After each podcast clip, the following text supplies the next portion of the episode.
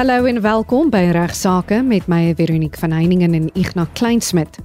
Ignas bespreek vandag 'n paar luisteraarsvrae oor onder meer die wet op vuurwapens, 'n vraag oor boedelbelasting betaalbaar binne gemeenskap van goedere en 'n saak oor die onregmatige afdanking van 'n werknemer van 'n bekende restaurant. Die regter het opgemerk dat die gids vir die gaarmaak van die groente niks gesê het oor die proef van groente of dit verbode was of nie In die tweede deel van die program praat ek met strafregkenner Dr. Llewellyn Kerloos oor korrupsie.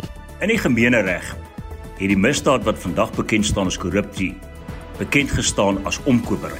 Ons sluit nou aan by Ignas Kleinsmid en indien jy 'n vuurwapen eienaar is, moet jy ingeskakel bly want Ignas het goeie nuus om met jou te deel in die verband.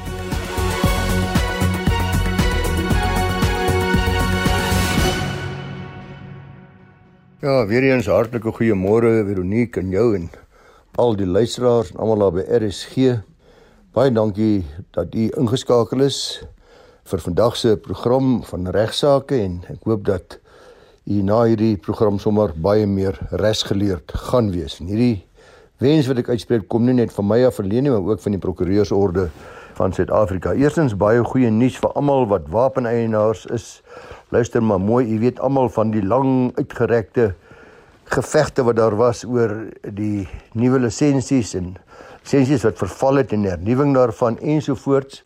Nou eerstens die polisie het in 2016 al bepaal beleid geformuleer wat bepaal dat mense wie se vuurwapen lisensies verval het met hulle wapens by die polisie ingehandig het mag nie vir 'n nuwe lisensie aansoek doen nie. Nou ons bekende minister Bekkie Cele, minister van Polisie of Chile, het in die uh, hofstryd wat onlangs gevoer is aangevoer dat sulke wapens mag vernietig word sonder om die lisensiehouer die geleentheid te bied om 'n nuwe aansoek om so 'n lisensie te verkry of of daarvoor aansoek te doen.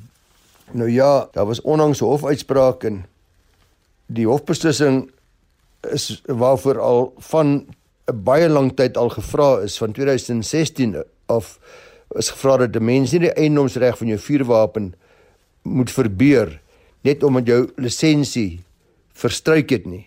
Nou hierdie uitspraak stryd uit 'n baie lang hofstryd luisteraars deur Fidelity Guards nadat 700 van die lisensies vir wapens wat die maatskappy in die bedryf van sy onderneming gebruik het verstryk het. Maar hulle aansoek is ook van toepassing op u almal, u wat privaat eienaars van wapens was of is. Hulle het dit probeer hernie toe, dis nou vir Trinity Guards. Polisie het geweier. Hulle wou nie eers die aansoeke ontvang om 'n hernuwing nie en toe in 2016 is die eerste hofaansoek ingedien. Polisie het die aansoek teengestaan, gesê die wet op vuurwapens maak dit daarvoor voorsiening dat 'n eienaar kan aansoek doen om hernuwing as sy lisensie reeds verstryk het nie. Dat die Hooggeregshof het toe lank daaroor besin en eers in Junie 2019 in die polisie se guns beslis. Fidelity het geappeleer in in April 2021 is toe beslis vuurwapens het wel die reg om hulle lisensies te hernie as dit reeds verval het. Nou die hof het 'n paar dae terug daar's weer daarteen geappeleer en op die 27ste Mei het die grondwetlike hof, ons konstitusionele hof, toe beslissing gemaak en hierdie keer in die guns van die Fidelity groep. Nou luidens die hof se beslissing bly enige iemand of dit nou 'n individu is, u en ek of 'n lid van die sekuriteitsbedryf Fidelity of wie ook nogal enige eienaar van 'n vuurwapen wat hy of sy vir veilige bewaring by die polisie ingedien het, mag daar nou vir 'n nuwe aansoek vir 'n vuurwapen lisensie aansoek doen. 'n uh, Sakeliga die die nasionale jag en skietvereniging, die Gun Owners of South Africa, die professionele jagtersvereniging almal het op hierdie wa geklim en het vriende van die hof geword en vir die hof ook hulle bydrae gelewer om tot hierdie beslissing te kom. Uiteindelik uit die bevindinge is dit duidelik dat die staat nou verplig is om wapeneienaar se regte op vryheid en veiligheid van die uh, mens en die reg om nie van eiendomsreg omneem te word nie te beskerm. Dit is baie baie belangrik uh, hierdie grondwetlike regte wat nou weer deur die hof herbevestig is. In 'n wese beteken dit net luisteraars dat die eienaarskap van 'n vuurwapen sonder twyfel belangriker is verhewe bo die lisensiering daarvan. 'n vuurwapen bly jou eiendom al het die lisensie daarvan verstryk. Nie soos wat Bekkie Cele aanvoer dat as jy lisensie verstryk het, dan jou eiendomsreg ook daarmee nie.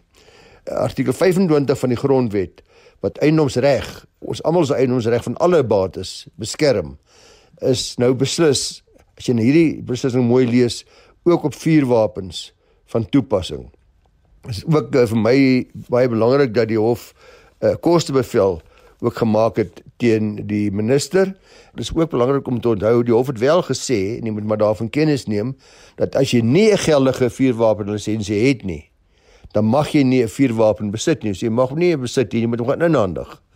As jy ingehandig is, dan natuurlik jy aansoek doen om 'n nuwe vuurwapenlisensie en dan uh, as jy geregtig daarop, jou eiendomsreg het nie verval nie.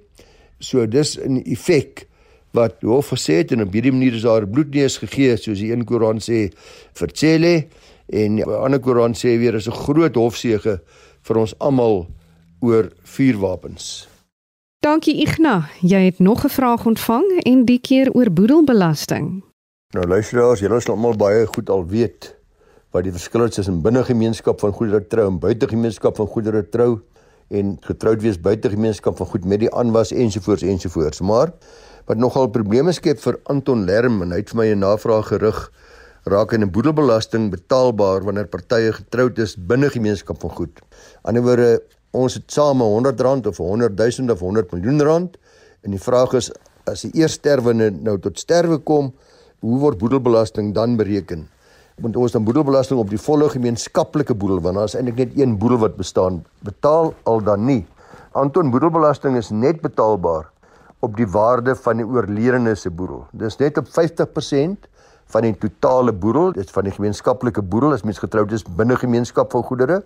En belangrik egter eksekuteursvergoeding en dis waar die verwarring vandaan kom.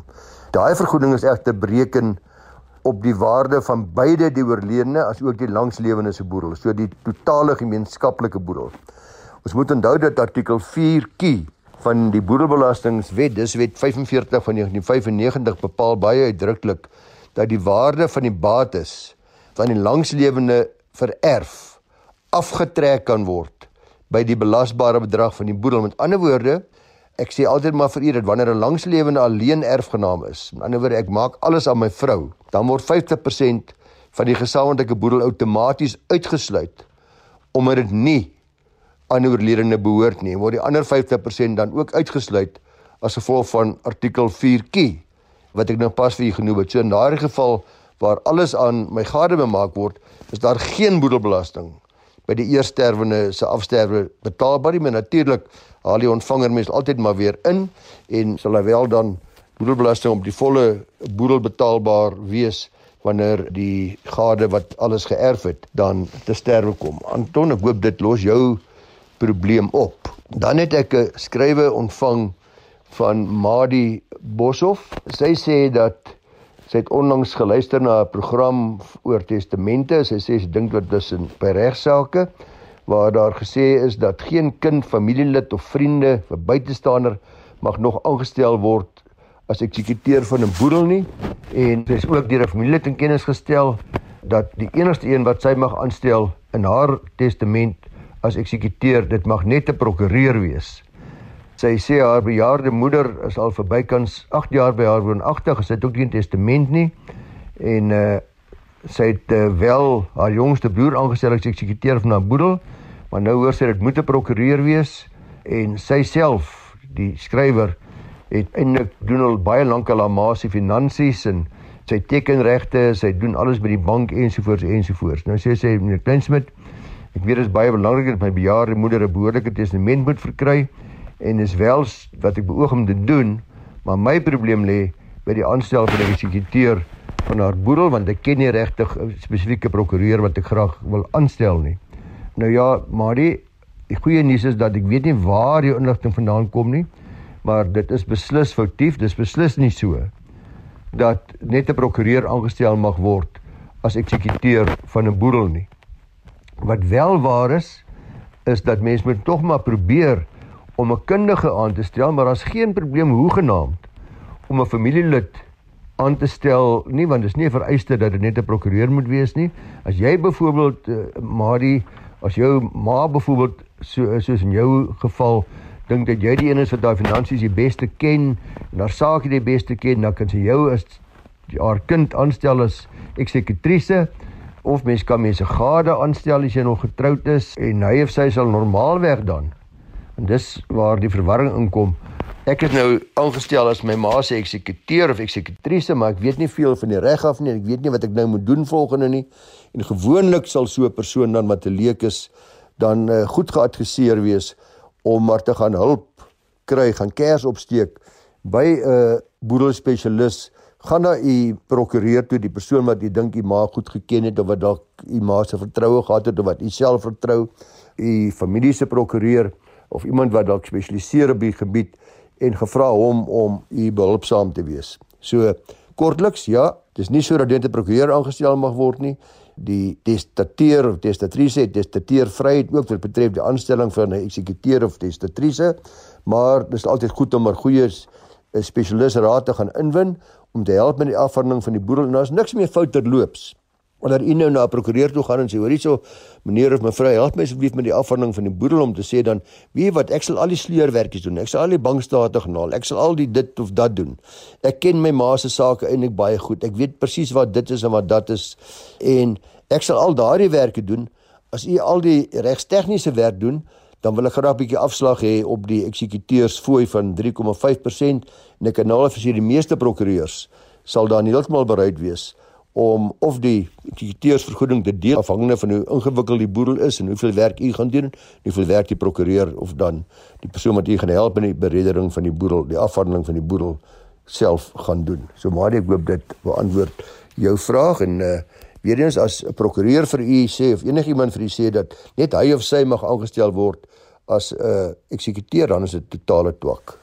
En laastens bespreek ek 'n interessante saak oor die onregmatige afdanking van 'n werknemer van 'n bekende restaurant. Luisteraars, my laaste bydrae handel met iemand wat in 'n kombuis werk en terwyl hy besig is met kos maak, eet hy 'n paar reepies van 'n uh, wortel wat uh, gekook moet word of gekook is en 4 jaar is daar 'n regstryd om te bepaal of hierdie werknemer afgedank moet word al dan nie.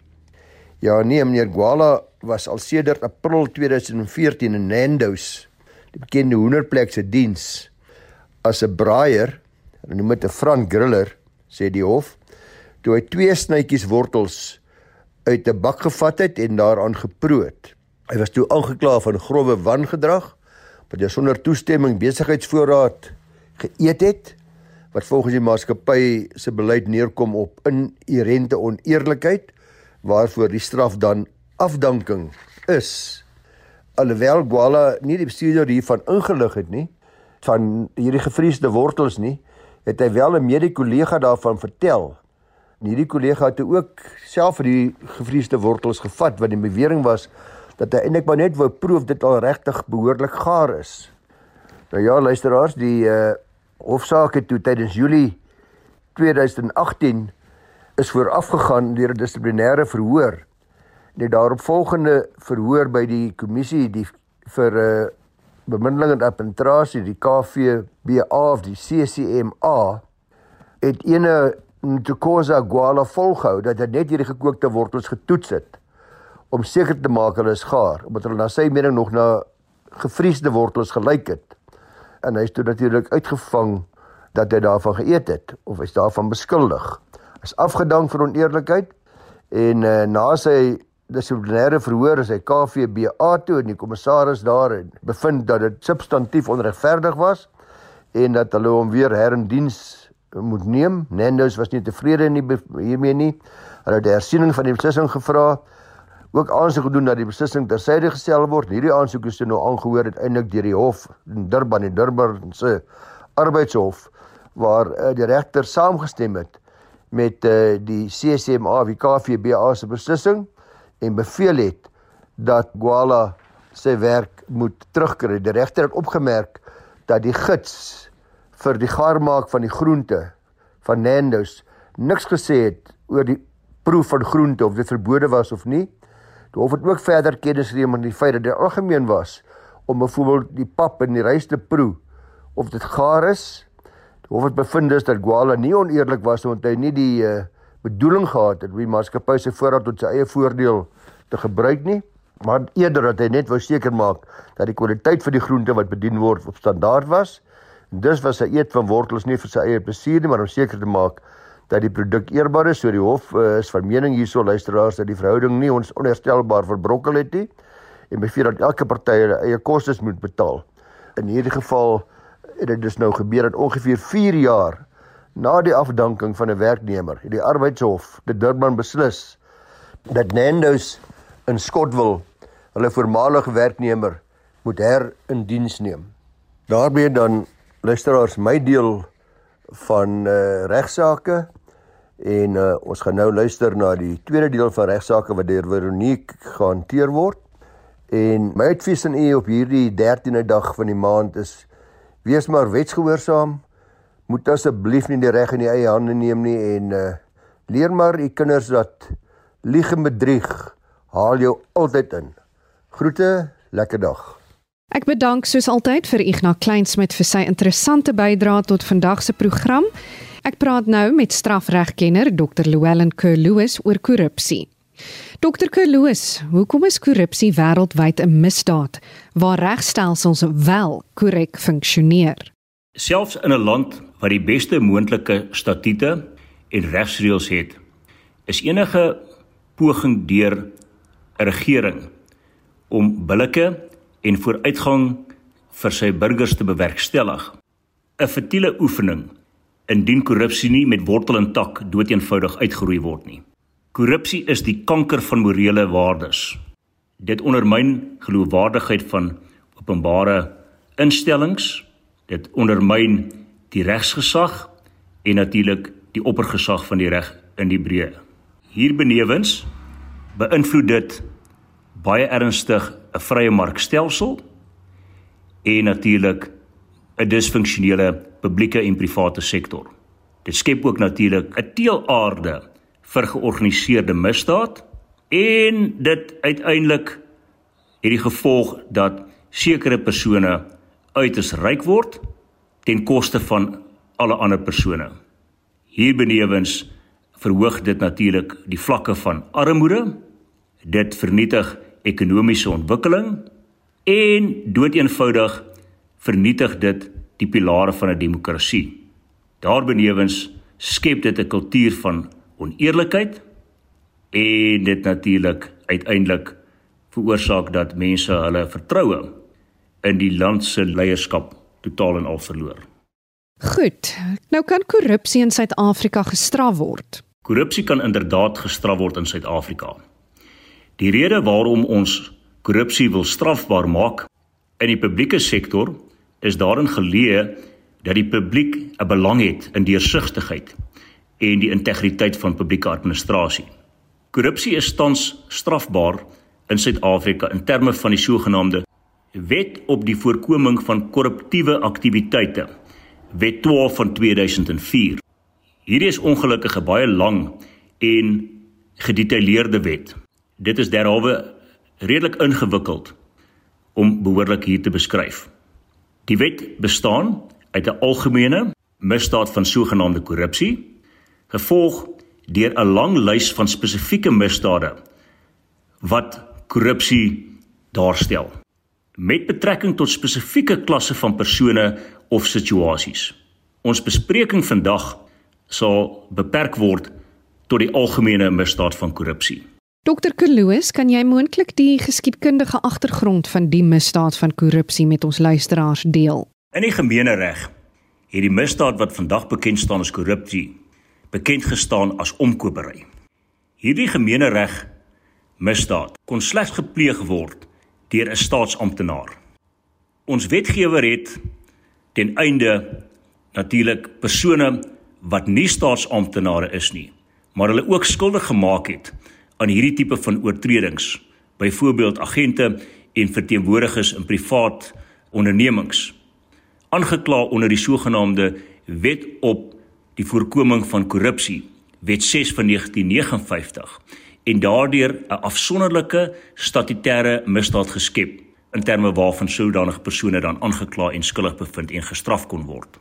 Die sogenaamde korrupsiewet 94 van 1992 het natuurlik sowel die gemeenereg as hierdie wet 6 van 1959 waarna ek verwys het totaal en al vervang.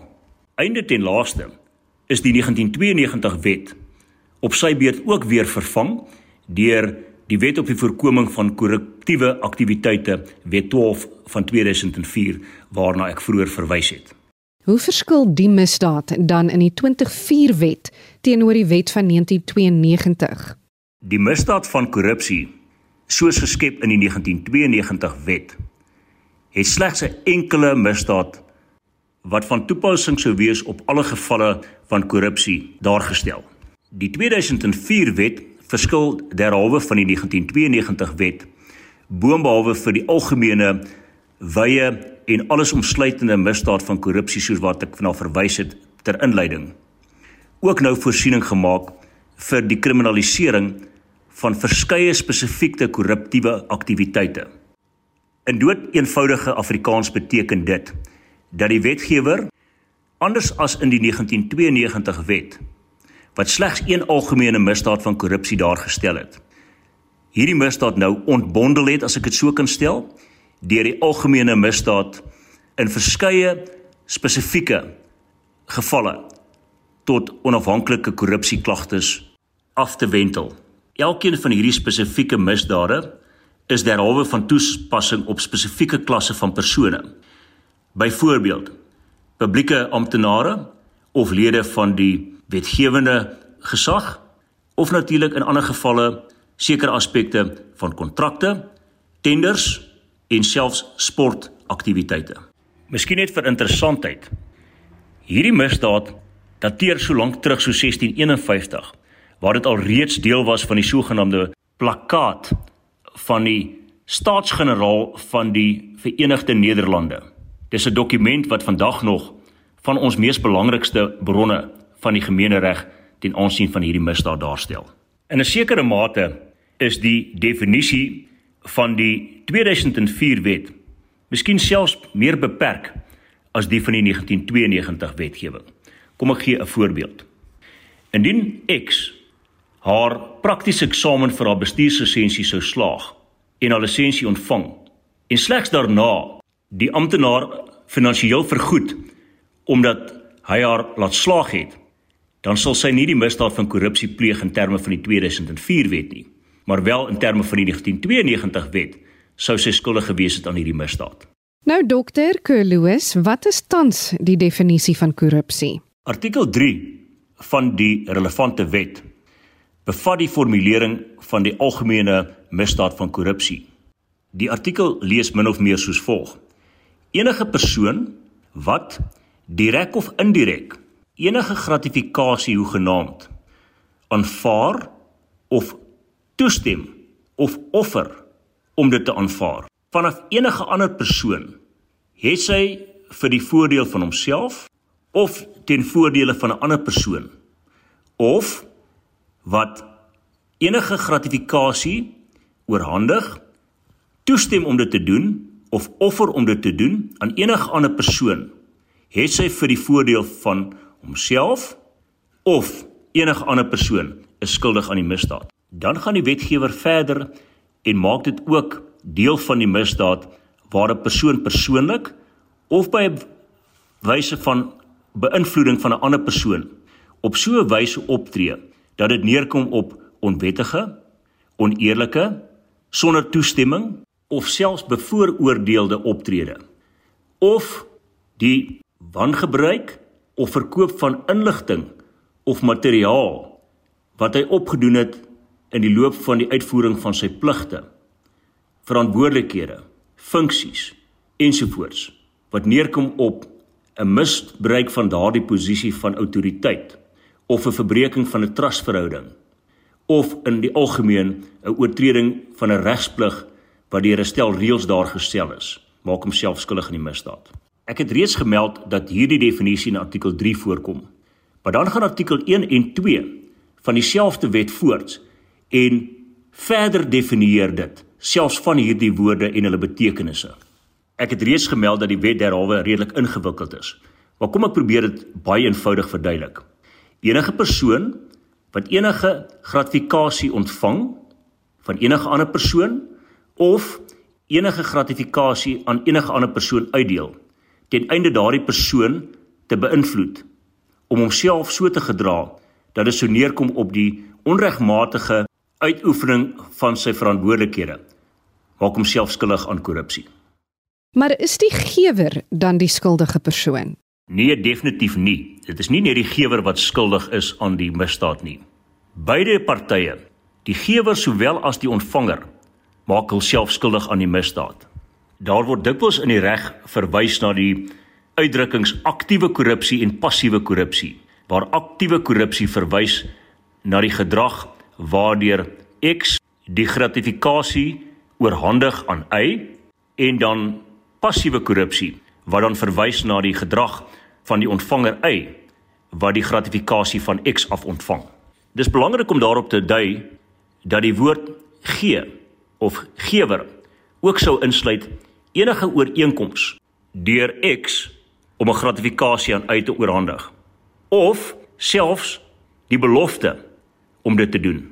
En dieselfde geld natuurlik vir die ontvanger. Korrupsie gepleeg deur die gewer is in beginsel doeteenvoudig 'n spieelbeeld van die korrupsie misdaad wat deur die ontvanger gepleeg word. Presies dieselfde vereistes is van toepassing by beide hierdie vorm van korrupsie vir 'n skuldigbevinding. In die algemeen bestaan die elemente van die misdaad uit die aanvaarding van 'n offer, tweedens 'n gratifikasie van een of ander aard, derdens die doelstelling, vierdens onregmatigheid en in die laaste instansie natuurlik die opset element. En net ter afsluiting in verband met die week se korrupsie onderwerp, wat word verstaan onder gratifikasie soos jy dit stel? Artikel 1 van die huidige wet bevat spesifieke lang definisie van wat onder die woord gratifikasie natuurlik bedoel word. In hierdie wet, tensy die konteks natuurlik anders daarstel, sluit gratifikasie byvoorbeeld in geld in kontant of op 'n ander wyse enige skenking, geskenk, lening, fooi, voordeel, sekuriteit, eiendom, belang ensovoorts. Om die waarheid te sê, die definisie is so wyd dat dit letterlik enige voordeel hoegenaamd in die wysste moontlike wyse sou insluit. Om die waarheid te sê, die wet is so wyd dat dit selfs inligting kan insluit en nie noodwendig net tot liggaamlike voordele beperk is nie. Dis ongelukkig tyd om die week se program af te sluit. Baie dankie Dr. Llewellyn Kerloos vir jou deelname in die week se program en weer eens dankie aan Ignas Kleinsmid. Vir enige navrae stuur gerus 'n e-pos na vero@rsg.co.za. Van my Veronique van Heiningen groete tot volgende week.